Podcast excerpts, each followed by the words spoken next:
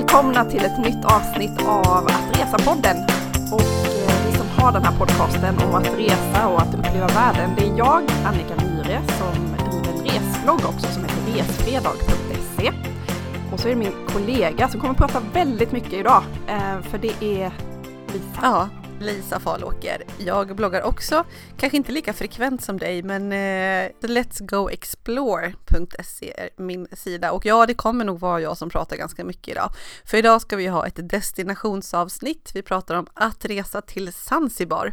Och det är jag som har varit där, men inte du Annika. Nej, jag har inte Än. varit det. Än, Än. precis.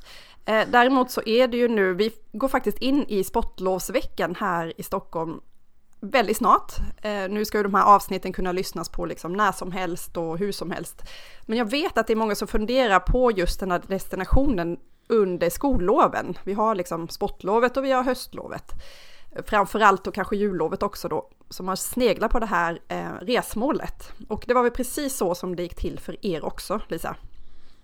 Ja, men exakt. Alltså Zanzibar är ju ett ställe som man åker till hyfsat eh, tidseffektivt kan man säga. Så att ja, men exakt så var det.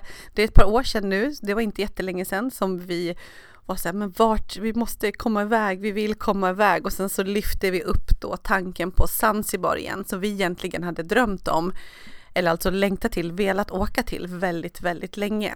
Så vi kan väl börja kanske lite grann där. Varför åka till Zanzibar? Varför vill man det? Eller varför ska man det?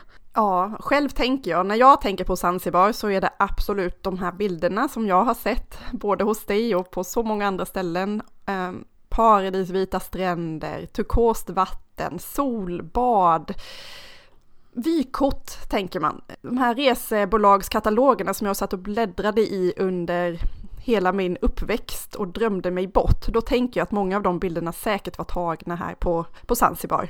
Men exakt, men det är ju det man drömmer om. Jag tänker att vi kan ju prata lite om det först med hur man föreställer sig Zanzibar. Sen får vi gå ner lite längre fram här i avsnittet kring hur det faktiskt är. Men exakt det är ju som tilltalade oss eh, allra, allra mest innan att, att det skulle vara så där galet vackert. Alltså så turkost vatten, vajande palmer, paradisstränder, ja, verkligen vykort. Det var det som vi längtade efter allra mest.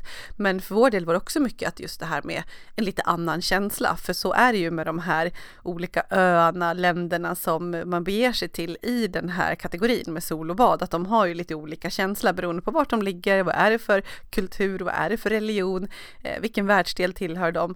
Och, och Zanzibar då, det tillhör ju Tanzania och afrikanskt och med det så var det så här, ja men barnen har aldrig liksom känt på det överhuvudtaget. Afrika, enorm kontinent, vi vet, vi har sagt det alltid när vi har sådana här diskussioner att, att begreppet Afrika ibland kan vara lite känsligt, men det är en världsdel och eh, den kulturen återspeglar sig eh, i Zanzibar. Väldigt färgstarkt, mycket sånt, så det tilltalade oss också. Jag fick också för mig innan att det var mycket liksom, lokalbefolkning blandat med eh, turism, så inte bara de här stora resorten som eh, inte tilltalar mig så mycket, utan jag vill känna att jag är i ett land på ett ställe med lokalbefolkning. Så det hade jag också verkligen hoppats på och föreställt mig. Ja, det som du berättade om, som du pratade om när du kom hem var den här Hakuna Matata-känslan, för det är ju swahili som är officiellt språk. Du har Hakuna Matata, du har Pole Pole, lugn. Ja, pole pole. Och så går de ofta, och förstås omkring och säger jambo som är hej. Eh, så det är en väldigt eh, skön känsla så. Och absolut, vi såg mycket lokalbefolkning blandat med eh, turister. Det var lokalbefolkning på stränderna. Det är inte bara resorter på, på rad utan det är blandat. Och visst, vi ser mycket lokalbefolkning i traditionella kläder, du vet så här Masai-utstyrseln. Och det är säkerligen garanterat mest för turisterna i de turisttäta områdena. Men vad som hände mellan tidpunkterna när de gick omkring och bara syntes och sågs och bidrog till stämningen var att de spelade fotboll på stranden, bjöd in barnen till att vara med och hänga. Så någonstans så Ja, det, det, var verkligen den, den känslan eh, och kunde komma liksom hela grupperingar och eh, göra stora så här, eh, akrobatikuppvisningar på stranden. Det var liksom alltid någonting som pågick. Eh, men också blandat med vardagslivet då. Skolflickorna som går hem från skolan i sina uniformer och så. Så att det här är ett ställe där man får mycket lokalkänsla på sin semesterresa.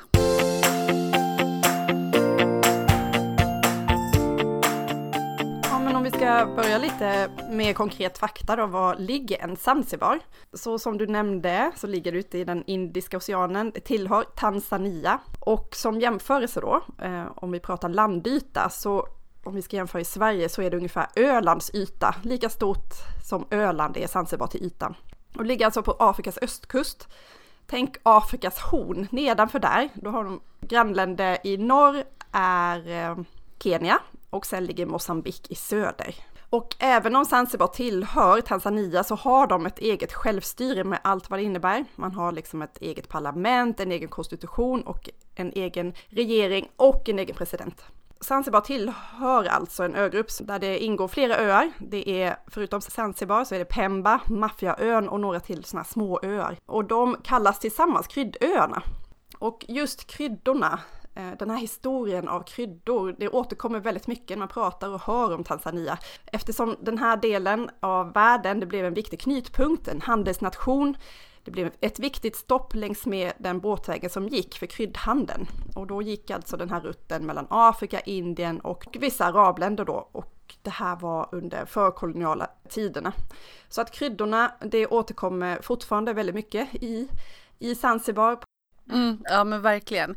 Det återkommer precis som du säger i utflykter, i historia, i eh, den inre känslan. Det, så är det verkligen. Eh, att resa till eh, Zanzibar då, det är eh, relativt smidigt och det kostar som du gör till de flesta destinationerna på det här avståndet. Vi pratar mellan kanske 10-12 timmar ungefär effektiv tid. Eh, huvudsakligen så är det mellanlandning ungefär halvvägs eh, som gäller. Till exempel så flyger Qatar via Doha. Även Emirates via Dubai är ett alternativ. Och även Ethiopian Airlines då som har mellanlandning i Addis Abeba. Så ungefär halvvägs, säg att du kör sex timmar till Doha eller liknande, sex, sex timmar till. Jag har hört gott om alla flygbolag. Eh, själv eh, ja, tycker att eh, Qatar Airways är är rätt trevligt och de är prismässigt hyfsat lika. Etiopien något billigare om man har tur. Man får ju reka runt lite grann. Eh, något som jag hade blivit varnad om på förhand var att det är många som pratar om borttappat eller försenat bagage, att det faktiskt eh, förekommer oftare än vad det brukar. Så när man reser till Zanzibar så kan man ta lite höjd för det. Säkra handbagaget, kanske framför allt om man har den här Etiopien mellan landningen i Addis Abeba.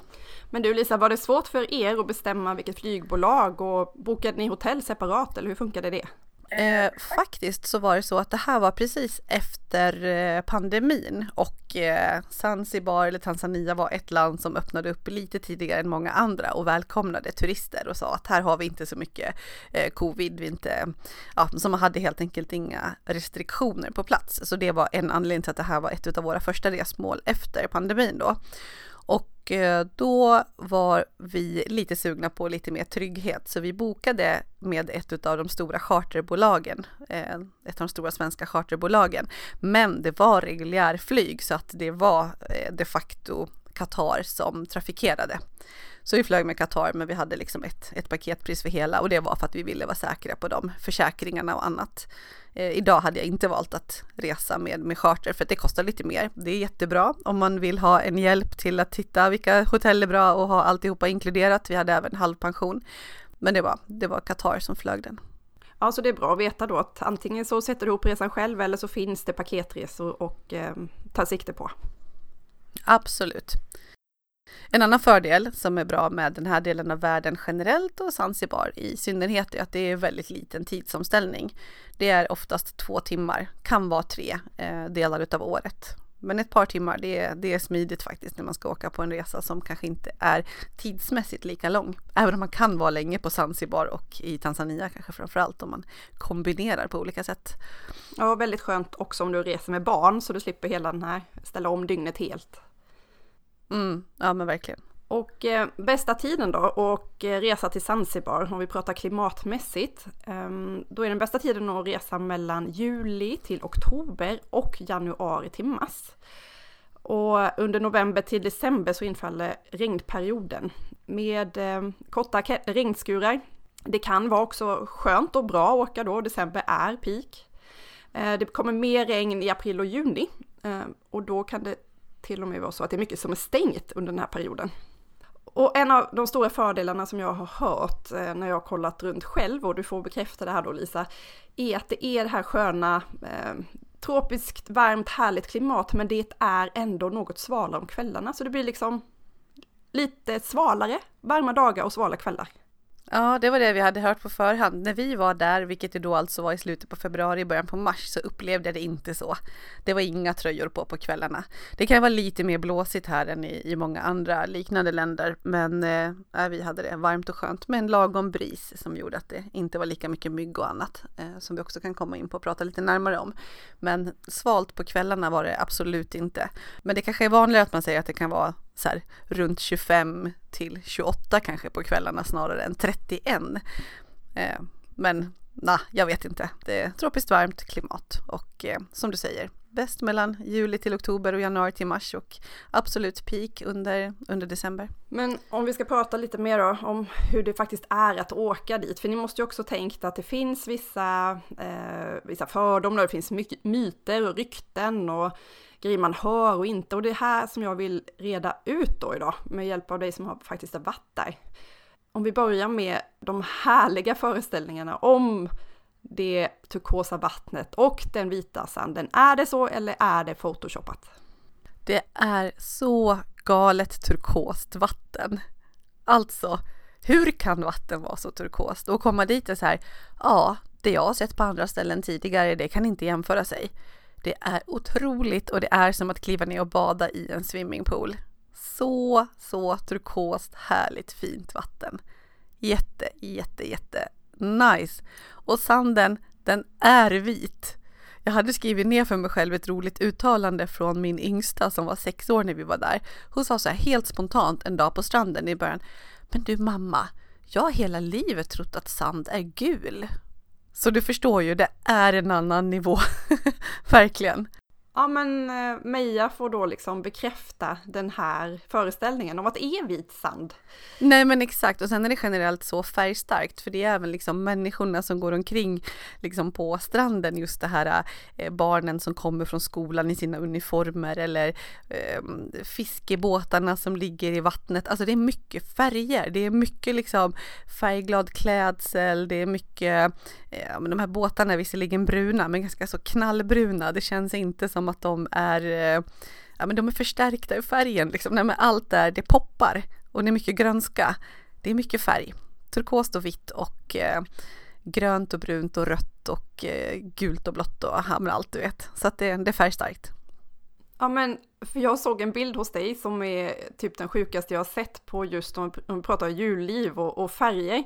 För du har tagit en bild med massa sjöstjärnor i de mest häftiga färger och de skiftar liksom. Det är miljoner, miljoner nyanser, men det känns som att det är, vad hände där? En massa sjöstjärnor i en jättemånga olika färger. Det har jag inte sett innan. Nej, men helt otroligt, för de kommer ju fram när det är lågvatten då, så ligger de där och glänser och poppar i all sin färgstarkhet och de är som du säger knallröda, de är gröna mot eh, smaragdgrönt skimrande. Ah, otroligt coolt. Men eh, min fråga direkt då är om jag hade åkt dit med barn och man råkar trampa på en sån där. Hur funkar det? Är de farliga liksom? Eh, ja, men sjöstjärnorna ser man ju tydligt och undviker när man går för att de kommer fram när det är lågvatten och eh, då ser man ju liksom hela vägen ner till botten. Det gör man ofta för det är väldigt klart vatten. Eh, men absolut, det är en korallö eh, så att det, det finns ju mycket rev i vattnet också. Eh, så det rekommenderas att ha badskor. Där vi var behövdes inte det upplevde vi men eh, ja det finns sjöborrar och eh, rev så att det kan vara ett tips faktiskt att ha med badskor om man vill vara på den säkra sidan kring det.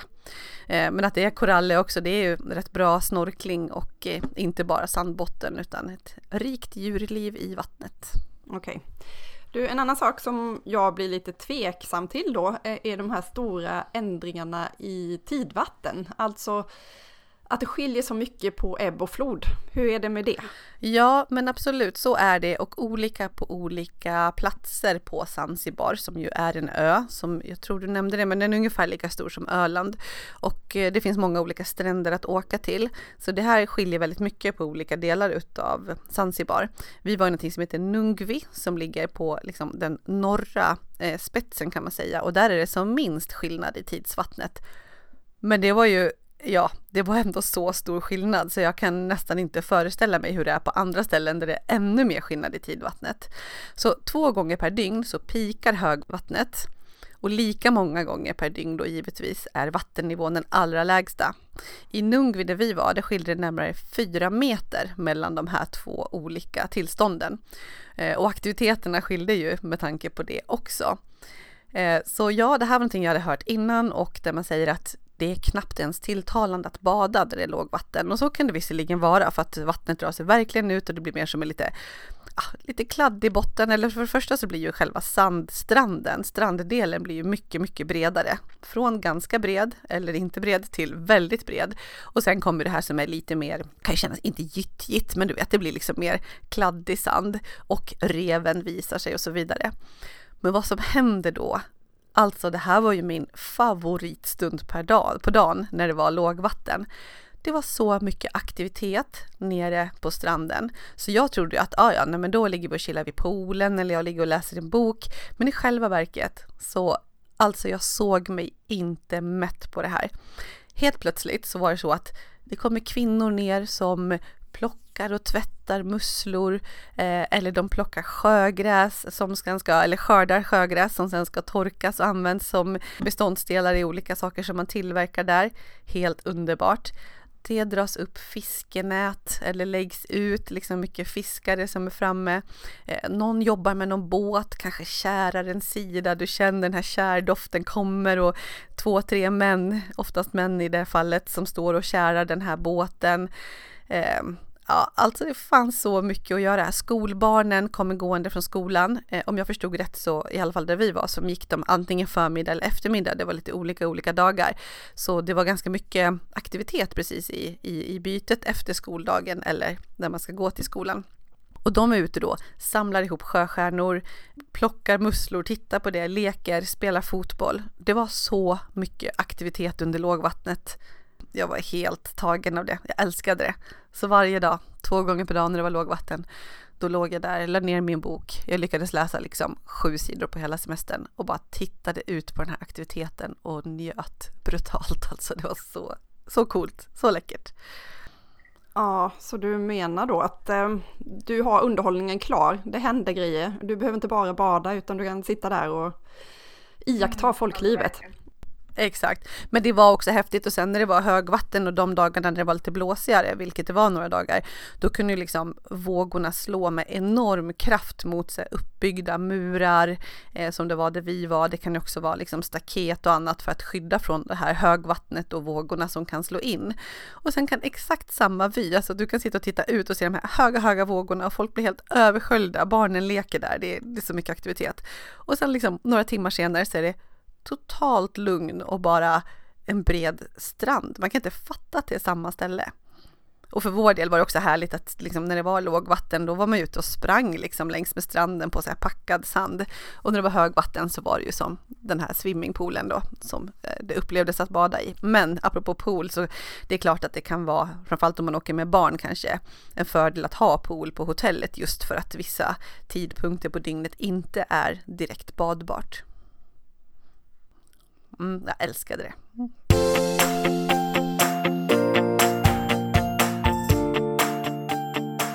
Om vi pratar religion då. Eh, för, för Zanzibar är till huvuddel, det är islam som gäller, så det är ett, eh, ja, eh, hur, hur påverkade det din er resa? Eh, ja men exakt, jag hade hört innan att man kanske inte bör vara lättklädd överallt och så. Men eh, även här så är det ju olika beroende på om du är liksom på hotell eller på semesterorter generellt, liksom på stranden, så då märker man ju ingen skillnad mot vilken annan destination som helst, alltså vad gäller att då man har bikini på sig och så liknande. Det är, det är en turist, eh, det är turistorter det här. Eh, men däremot om man är utanför de här turisttäta områdena eller man är i Stone Town till exempel så behöver man ju ha med sig så att man kan klä sig på det sätt som eh, muslimska länder tycker att är, eh, är rätt och så att man täcker axlar och knän eller vad det nu kan vara. Lite mer heltäckande helt enkelt. Mm. Och för att tillägga då så är Stone Town huvudstaden och vi kommer återkomma till den lite senare. Eh, men i allmänhet gäller att, att visa respekt för den ja, men för den religion och för den kultur som, som du kommer till. Det är ju inga konstigheter i det, bara du läser på innan vad som gäller.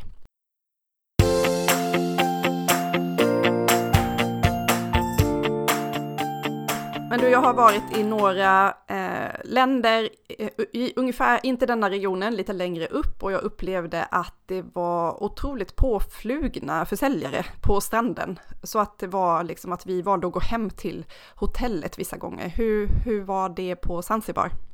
Ja, det hade jag också hört innan och eh, vi var som sagt i Nungvi som är det mest turisttäta området och vi var där precis efter att det blev okej att åka dit givet pandemin. Så vi hade nog tänkt oss att det skulle vara lite turister och att vi därför blev extra mycket utsatta. Och så var det, för att jag menar om det är färre personer men försäljarna eller de som ska leva på turisterna är lika många så blir det ju liksom någon form av eh, dålig balans där. Men ja, det var en hel del försäljare på stranden. Men jag upplevde dem så vänliga och mina barn blev väldigt så här förtjusta i vissa av dem och bara åh, där är han igen, vi kan snacka lite och väldigt, väldigt trevliga faktiskt där vi var. Jag måste säga det, jag har varit på andra ställen, jag kommer ihåg något ställe på Bali till exempel, där det var så här, men gud det är jobbigt, jag vill inte vara här för jag vill inte säga nej till så här många. Jag upplevde att det var vänligt och respektfullt att man tog ett nej. Eh, och många av dem, det var ju med att de ropade jambo, jambo, liksom var trevliga.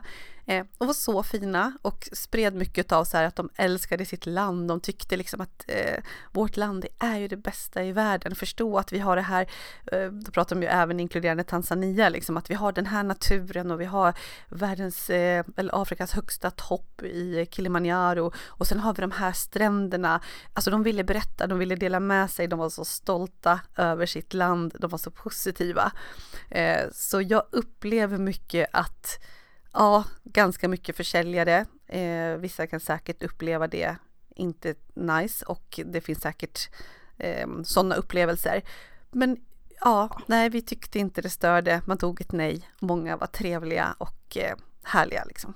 Okej då, um, om vi pratar brottslighet. Nu vet jag att det finns som så många andra länder så finns det vissa liksom saker som du kan undvika att göra, men hur är det generellt med brottslighet på, på ön?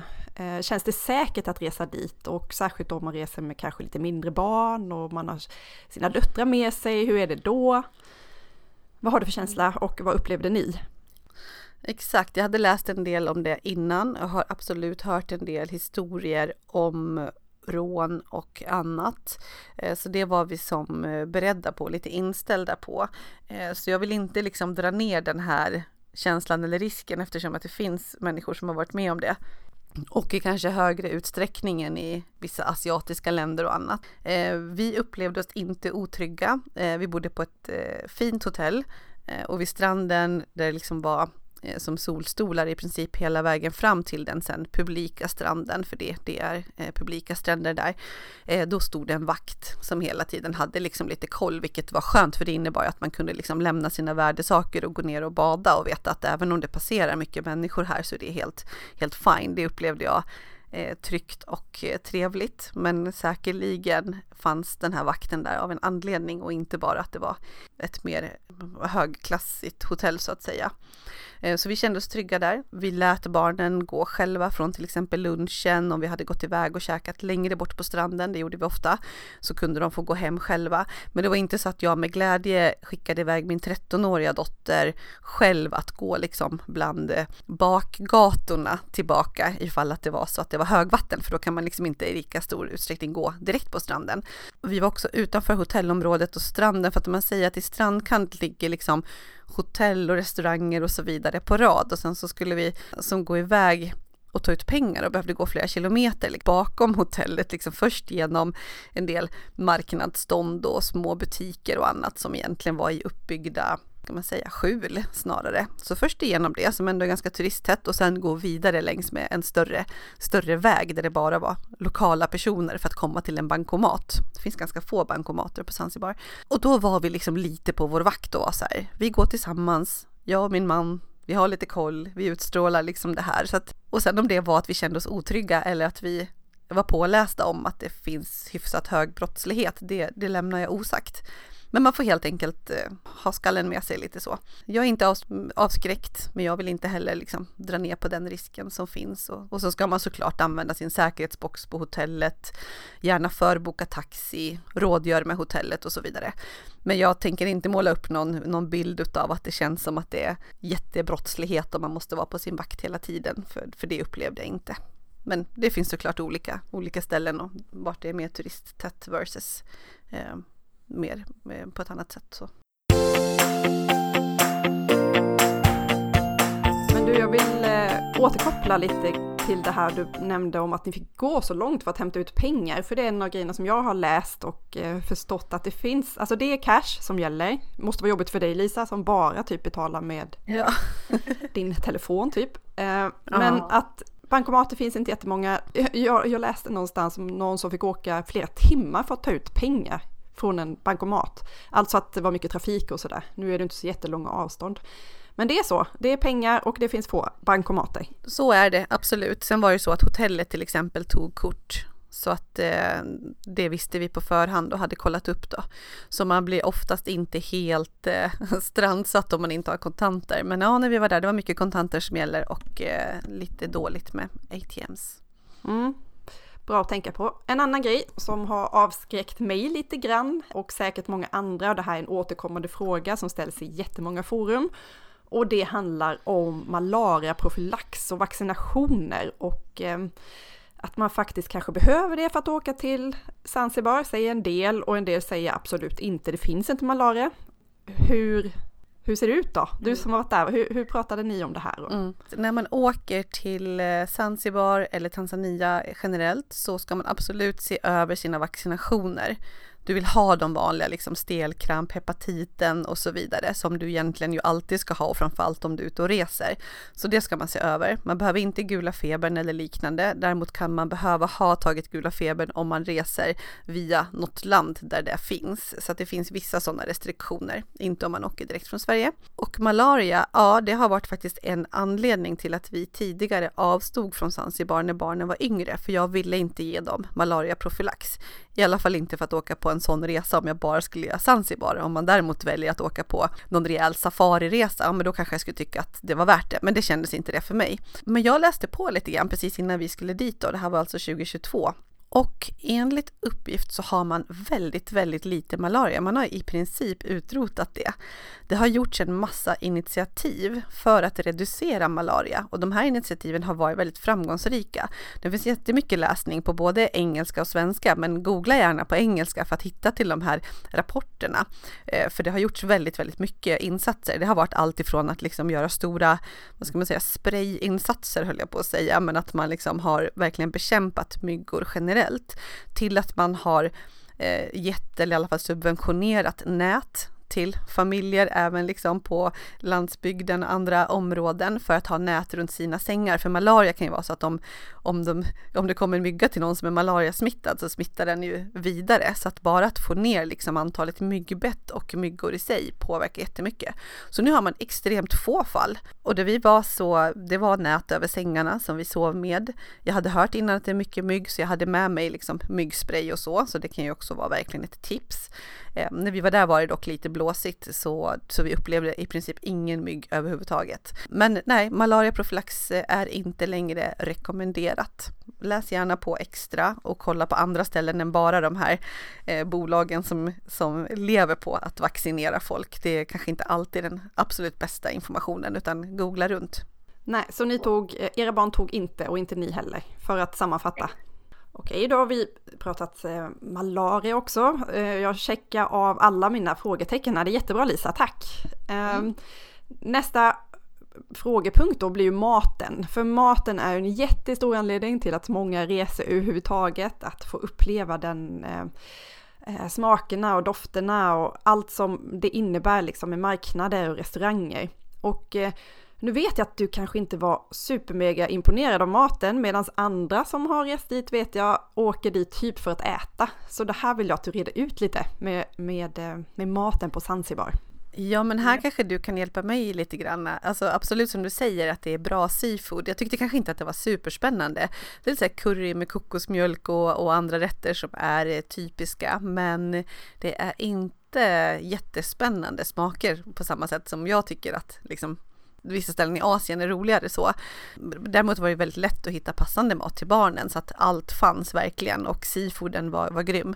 Det, vi hade också halvpension ska jag säga så att vi käkade en hel del på hotellet med, med den typen av buffé men med en del lokal mat och så. Så att ah, jag vet inte, jag fick ingen riktigt stark känsla för, för maten på Zanzibar mer än det här med curry, kokosmjölk, seafood eh, och fantastisk frukt. Men berätta du gärna de som har varit eh, blown away, vad de uppskattade med det.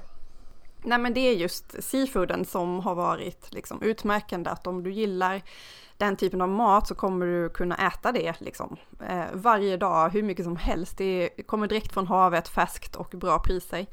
Och sen är det såklart väldigt mycket indiska influenser eh, eftersom precis som vi pratade om tidigare, att det, det var en handelsväg, det var mycket kryddhandel och det liksom hänger kvar. Eh, jag vet att det finns möjlighet att eh, hänga med på en matmarknad och sen laga maten hemma hos um, ja, men lokalinvånare som bor där, som, som gör det som en grej. Så är du intresserad av, av att um, äta mat och laga mat så kan det absolut vara, vara värt att kolla på. Och det gissar jag att du kanske hade gjort om inte du hade rest med barnen till exempel. Kollat upp lite mer.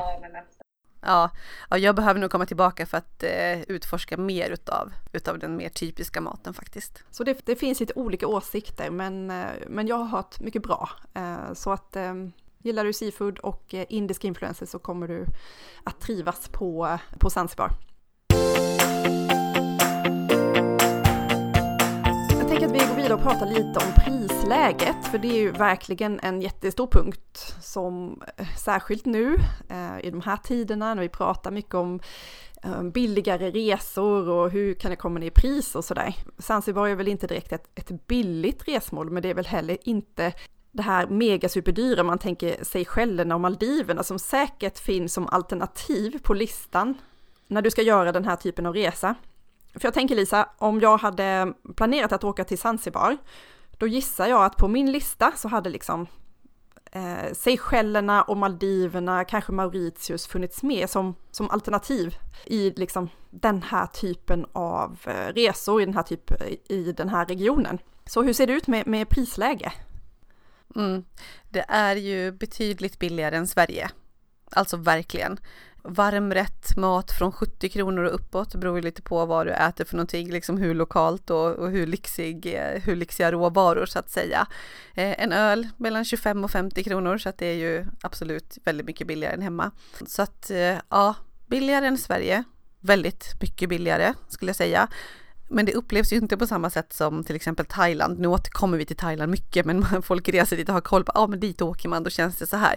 På den nivån känns det inte prismässigt. Så dyrare än Thailand. Eh, ja, Seychellerna är ju jättedyrt, liksom, så att absolut billigare än det.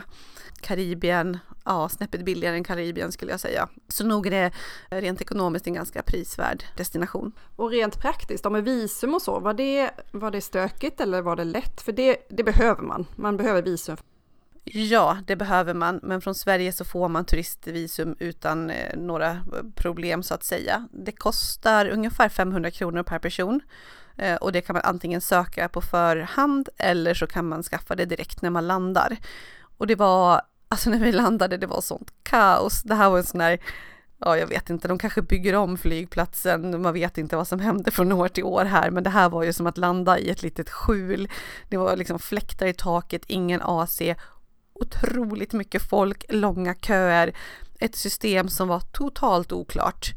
Fyll i någon lapp, ställ dig i den här kön. Jaha, har du förköpt eh, visum, då står du ändå i den kön eller gå bort till den där kön som är lika lång. Ja, men du vet, det var totalt random. Finns säkert något system, kan säkert också bero på hur många man är samtidigt som landar, men jag har sällan på många år varit med om det kaos som vi upplevde när vi landade. Men vi fyllde i våra lappar, vi gick fram till, till slut kom vi fram till den här kassan där vi skulle eh, lämna in lapparna och eh, betala för vårt visum och det var inga konstigheter jag skulle kanske välja att hellre ha gjort det i förväg faktiskt. Eh, vi hade så kort eh, varsel innan, alltså vi, vi bokade den här resan väldigt, väldigt spontant så att därför så, så mäktade vi inte med det. Vi gjorde väl också PCR-test vill jag minnas innan vi åkte dit så, eh, som gällde då. Det gör det inte längre. Så jag skulle valt att ta visum i förväg faktiskt. Ja, en liten brasklapp såklart är att ni reste precis efter pandemin så det var säkert stökigt på grund av det också med rutiner och sådär, kan jag tänka mig. Ja, men verkligen. Ja men superintressant, bra Lisa, jag får eh, svar på många grejer här, men om, finns det något mer allmänt liksom, eh, som du skulle vilja lägga till just i, de här, i den här kategorin? Ja, vi upplevde att det var jättesvårt att hitta liksom minimarts med produkter, alltså det var inte så här eh, en 7-Eleven där du hittar allt och massa internationella produkter, alltså till exempel solkrämer eller annat eller knappt ens eh, Pringles chips. Det var, det var få minimarts helt enkelt. Kanske också till viss del så här covid arv då när vi var där då. Men det var svårt och jag kan ju tänka mig absolut att mycket importeras såklart, eller i princip allt. Eh, det var väldigt dyrt, sånt liksom solkräm och andra grejer, väldigt, väldigt dyrt, så ta med det hemifrån. Och jag tyckte också när vi gick och behövde komplettera att de här flaskorna som stod där, de ser ju, såg extremt dammiga och gamla ut och så.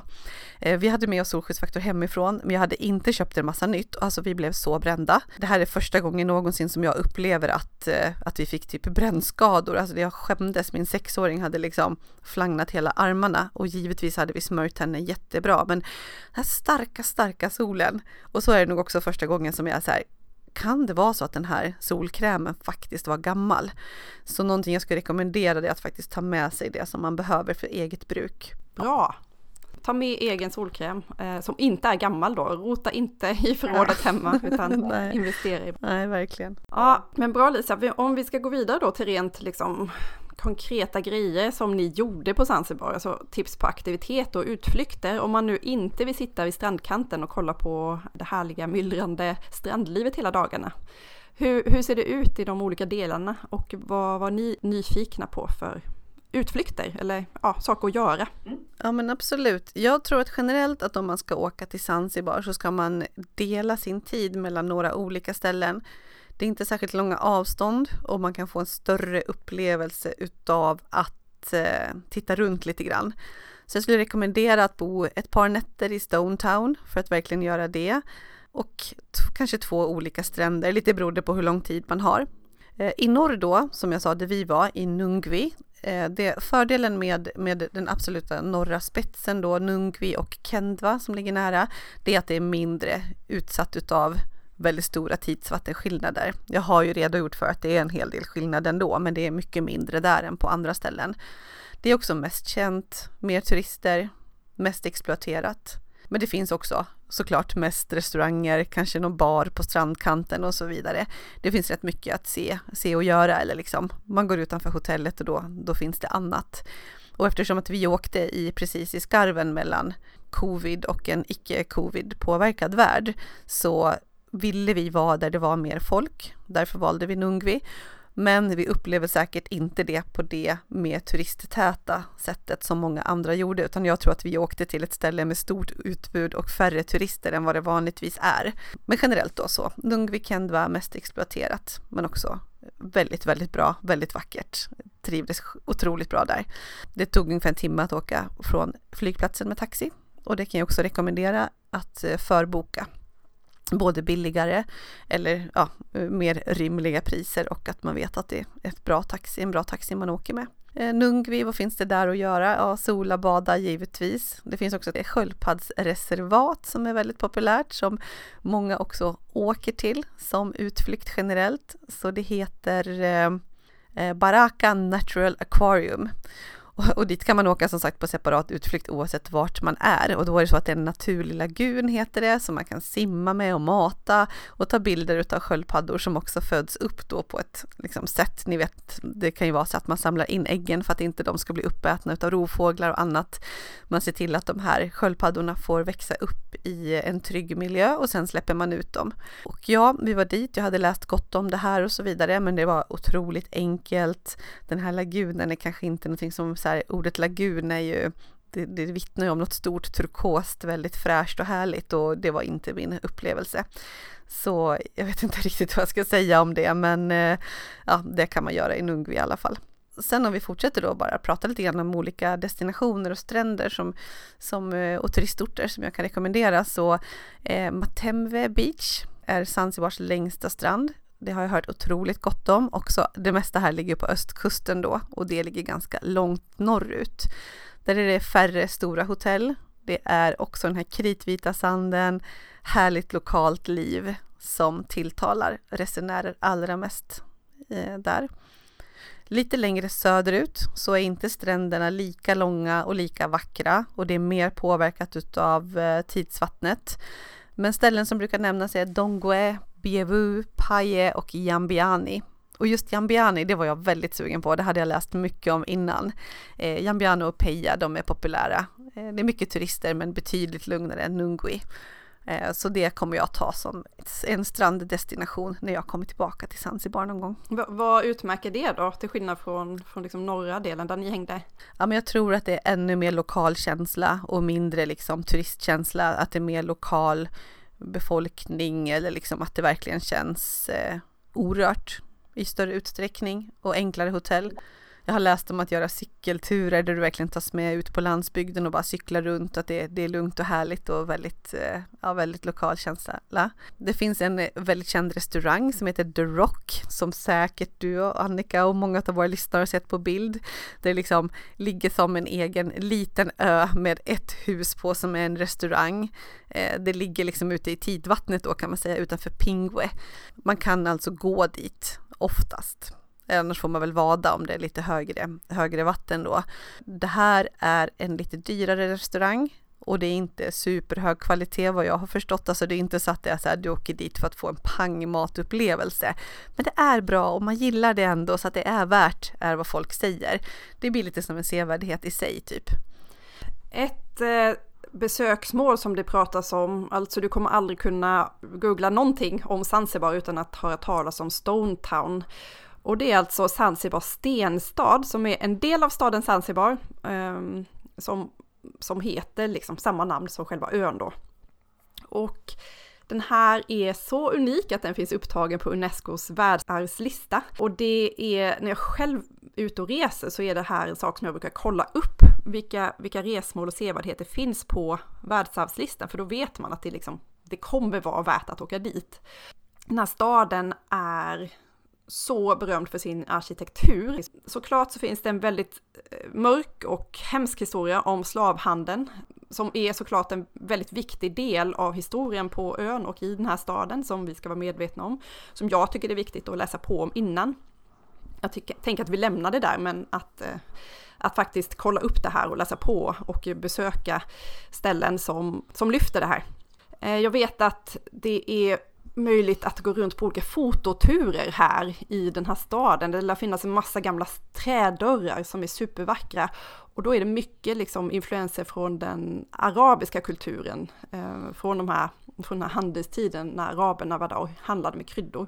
Och eh, shopping Lisa, eh, mycket färgglada tyger, pärlor, eh, och jag tänker när jag ser bilderna och hör beskrivningar från den här att det är som att gå runt i mm, den här typen av resor som man längtar efter att göra när vi sitter här i ett kallt och mörkt Sverige och vill ha någonting som känns i hela kroppen med dofter och smaker och vyer och ja, känslan av det. Jag vill inte säga exotiskt, men, men det är ju det ordet som kommer till mig liksom. Att det är något helt annat mot vad vi är vana vid här om man vandrar på typ Söderköpings gator. Det är något helt unikt. Och den här koloniala arkitekturen som är absolut förfallen på sina håll, men ändå så speciell. Vad har du för känsla om, om Stone Town? Ja men verkligen att det är liksom levande folkliv, mycket vimmel som du säger även här så här färgstarkt, färgstarka marknader, den afrikanska designen i butiker, färgstarkt verkligen. Eh, sen har jag förstått att många hotell är eh, väldigt väl upprustade och blir lite så här, eh, ja, lite tusen och en nattkänsla. De är faktiskt påverkade av den här arabiska liksom, kulturen som man också har varit eh, utsatt för, höll jag på att säga, alltså, en del utav under, under många år. Så att det känns lite så här tusen och en natt-känsla och med stora takterrasser. Och så sägs det ju också, ni vet den afrikanska solen, den är ju speciell. Solnedgångarna är ju speciella och kanske avnjuts solnedgångarna allra bäst från en sån här takterrass. Det finns många härliga på, på fina hotell runt om i, i staden då. Eh, det finns ett hotell som heter The Africa House som är väldigt populärt som har just en sån här takterrass eh, som har en eh, extra härlig solnedgångsvy.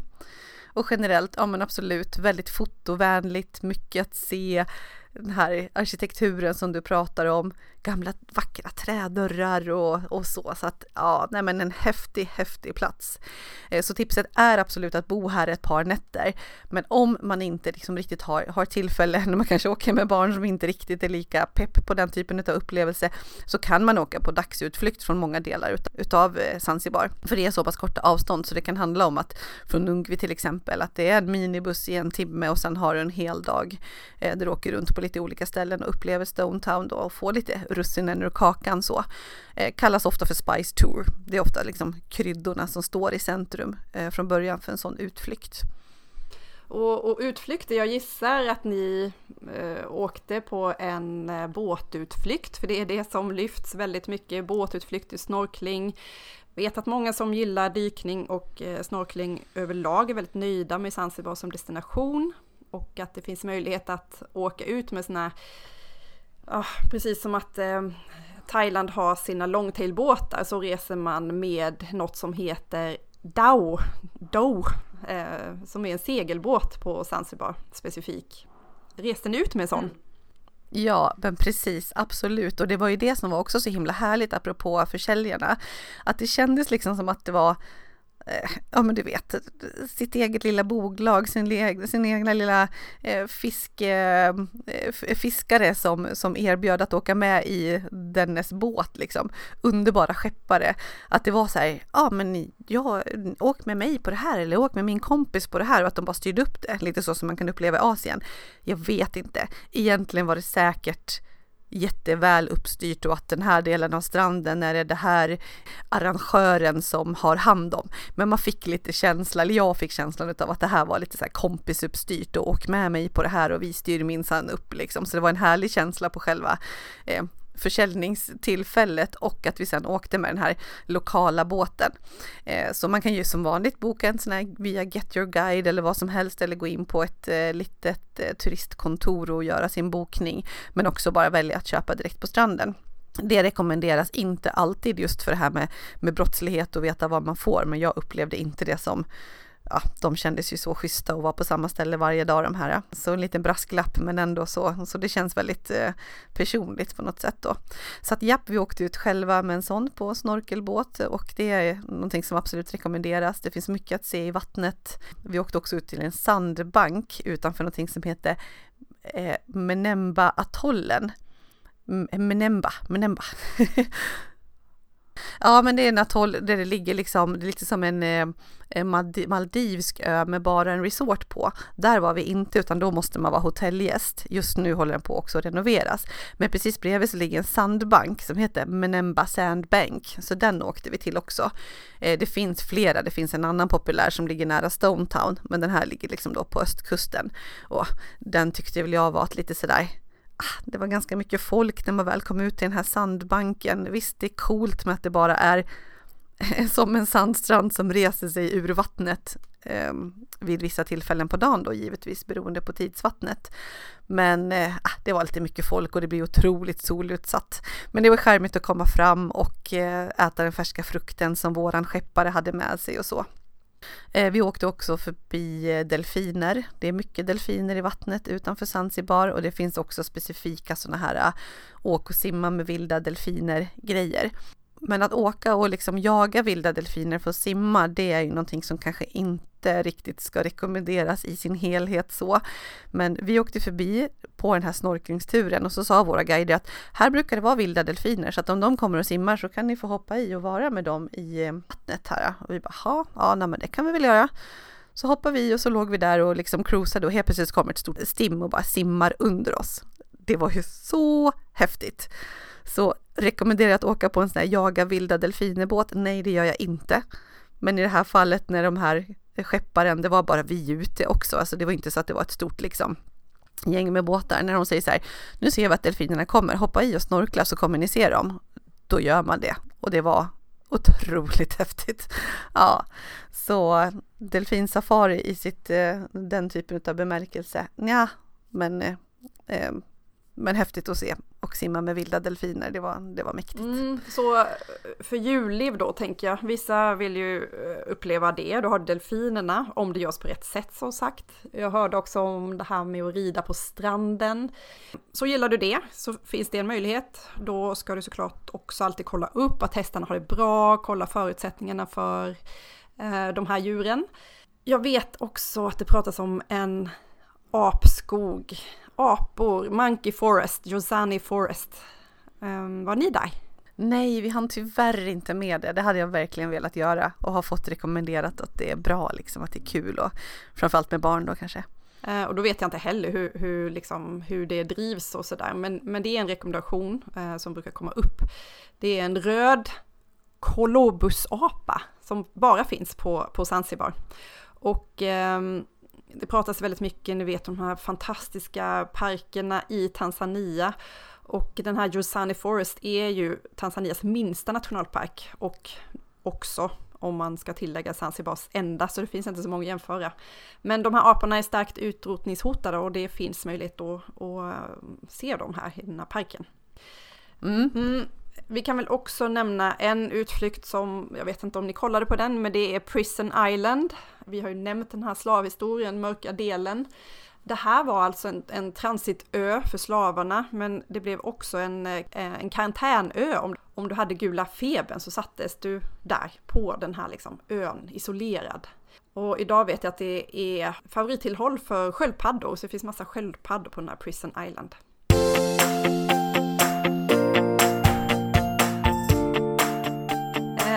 Annars så tänkte jag liksom, det här med en nationalpark, vi måste ju nämna det att eh, Zanzibar är ju en väldigt vanlig destination att göra som, ett, som en paketresa, som en kombinationsresa tillsammans med Tanzania, alltså fastlandet. Alltså att du kör en safari i Tanzania och sen flyger över och avslutar med några härliga dagar på, på Zanzibar. Och det var väl kanske eran absoluta dröm att få uppleva den kombinationen, gissar jag Lisa? Mm, det var det. Det var både dröm och plan och jag tittade väldigt noga på det. Det fanns kombinationer med till exempel tre dagar Tanzania med safari, vilket jag tyckte skulle vara lagom för våran familj. Eh, när man har barn så är det ju inte riktigt intressant att köra game drives i eh, flera dagar och så, utan jag tyckte att det skulle vara lagom för oss med, med åldern på barnen. Eh, just när vi var där så krävdes det då i sånt fall sån här PCR-test, om ni minns det gamla uttrycket från coronatiden, eh, när man tog sig mellan Tanzania och Zanzibar. Så vi vågade inte chansa på att börja på Tanzania och sen fastna någonstans liksom inrikes däremellan. Men så är det ju givetvis inte längre så att det är absolut en dröm och om, eller kanske jag ska säga när, vi åker tillbaka till Zanzibar, det måste bli någon gång, så kommer det absolut vara den kombinationen. Eh, det finns ju så korta utflykter så att du kan i princip göra en utflykt till Tanzania för en dag safari och utgå från Zanzibar, alltså göra som en dagsutflykt. Helt otroligt, eh, för det är ganska dyrt också med, eh, med safariupplevelsen. Men givetvis är det en dröm att göra en kombination med Tanzania med sitt safari och Zanzibar. Eller kanske gå upp på Kilimanjaro. Skulle man göra det någon gång? En liten eh, trio där. Lite Kilimanjaro, lite, lite safari och sen avsluta på, eh, på Zanzibar. Fattar du? Alltså. Mm. Fast jag hade ja, typ behövt ett år för att hinna med allt. Ja. Mm. Men du, jag skulle vilja ändå, här, jag vet att ni har pratat så länge om Zanzibar och jag vet att jag hittade ett gammalt inlägg hos dig när jag var inne på din blogg, letsgoexplore.se. Och det var så kul Lisa, att att höra lite om hur era resonemang gick när ni planerade eh, inför den här resan. För då hade ni Zanzibar som alternativ redan 2017, men ni hamnade inte där då. Och hur, växte det här fram och vilka alternativ hade ni och varför valde ni just Zanzibar den här gången och något annat då? Kan du inte bara avsluta med att berätta lite om det här tankegångarna? Ja, men verkligen. Jag tror att vi har kommit in liksom lite grann på de för och nackdelarna som jag då diskuterade och utvärderade utifrån. Eh, men mycket så var det nog just det här trygghetsaspekten och vad som upplevdes enklast och utmaningen med malarian som var då, som gjorde att vi inte valde Zanzibar då 2017. Då blev det Guadeloupe istället i Karibien ska jag sammanfatta det nu? Det är lätt att tänka, alltså för mig blir det lite så här, när jag återupplever en resa genom att vi pratar om det eller jag skriver om det eller tar fram gamla foton så blir jag väldigt liksom nära i känslorna mot det. Jag hoppas att det har framkommit kring Zanzibar här, även, även om det var ett par år sedan. Eh, men som just nu när jag tänker på det, tillbaka på det och inte har tänkt lika mycket på Guadeloupe då, så är det så här, nej men alltså Zanzibar var ju härligare. Det var ju häftigare, vackrare och ändå enklare med liksom mer strandliv. För på Guadeloupe åkte vi runt mycket med bil och så för att nå de olika stränderna. Men kanske om vi dammar av Guadeloupe och vad jag har skrivit och tänkt och gjort där så kanske jag, kanske jag säger annorlunda. Men ja, då hamnade vi i Guadeloupe i Karibien men Zanzibar, ja men det var ju så coolt alltså. Stor resa. Så om du var tvungen att välja mellan de två destinationerna, alltså Guadeloupe i Karibien och Zanzibar, ja. Tanzania, vad hade, ja. du, vad hade du landat idag om du var tvungen att välja? Som det känns nu så Zanzibar. Det är så bra att prata med dig för du har varit överallt. Eh, jag, jag vet att Seychellerna är ju också så här, vi nämnde det precis i början av avsnittet. Jag tänker att det finns med som ett alternativ. Ni var ganska nyligen där. Är Zanzibar, kan det liksom mäta sig med Seychellerna som också ligger i Indiska oceanen? Kan det det? Mm. Ja, det är så himla, mm, jag vet inte, det är så oschysst ibland att jämföra resmål på det här sättet, men eh, någon måste göra det, så det it's a hard work. But someone's gotta do it, det är du och jag Annika. Eh, alltså, det är lika turkost vatten, det är lika vit sand, det är lika vajande palmer. Men jag måste säga att Seychellerna med sina svarta granitklippor gör att det blir i en egen nivå faktiskt. Så jag tycker att vad gäller rent vackert så så är det faktiskt Seychellerna fortfarande. Så är det. Okej, okay. mm, Seychellerna toppar. Ja, men nu pratar vi ju i toppvärldsklass liksom. Ja. Världsklass av världsklass. Så, ja. Och, och, du vet också att frågan kommer komma här med eh. Thailand. För att den kommer alltid den frågan och jämförelsen att man kanske kollar på de här alternativa, lite mer, ja men som man inte känner till så mycket som Zanzibar, som Guadeloupe, som Seychellerna. Och så kanske man hamnar i Thailand ändå för att man vet vad man kan förvänta sig. Har Zanzibar möjlighet att bli nästa Thailand, tror du? Ja, oh, gud vilken eh, typisk fråga att komma från att resa podden med dessa två Thailands älskare som du och jag är, Annika. Alltså stränderna är bättre, Zanzibar. Ja, Vackrare, bättre, ja. Eh, strandkänslan som jag brukar återkomma till, den här viben, ja, men då, då får nog Zanzibar jobba lite mer. Eh, det kanske är lite för mycket local på sitt sätt som det är på Zanzibar. Alltså det har inte riktigt den här eh, reggae-bar på stranden-grejen som jag älskar. Å andra sidan är det ju mer local-grejen eh, på ett sätt som är som är underbar. Men ah, där, där vinner nog Thailand tror jag, i, i min bok i alla fall, beroende på vad man är ute efter. Och så tycker jag att det är så vänliga människor i Thailand. Och det var det här på Zanzibar också, men jag vet ju också att spannet kanske är större vad gäller om vi håller liksom ena eh, högerarmen långt åt höger och säger brottslighet och liksom och kanske också utsatthet som kanske går lite hand i hand. Och så håller jag vänsterhanden som är jambo, pole pole, hakuna matata och det vänliga i vänster. Så är säkert det spannet ganska så brett från min vänstra hand till högra när vi pratar Zanzibar. Och kanske lite tajtare, kanske lite mer åt det eh, övergripande vänliga hållet i, i Thailand då. Eh, så ja, det, och det kan vara för och nackdelar med det liksom, för det blir väldigt äkta och härligt på ett annat sätt på Zanzibar. Men ja, det är nog mer kriminalitet så. Så att eh, ja, Thailand har ju sitt. Thailand har sitt, det var väl, det var väl en bra sammanfattning. Sen är, vet jag, alltså det är otroligt orättvist att jämföra en, eh, en destination som är till ytan lika stor som Öland med Thailand. Så jämförelsen haltar. Men eh, vi slänger in den ändå.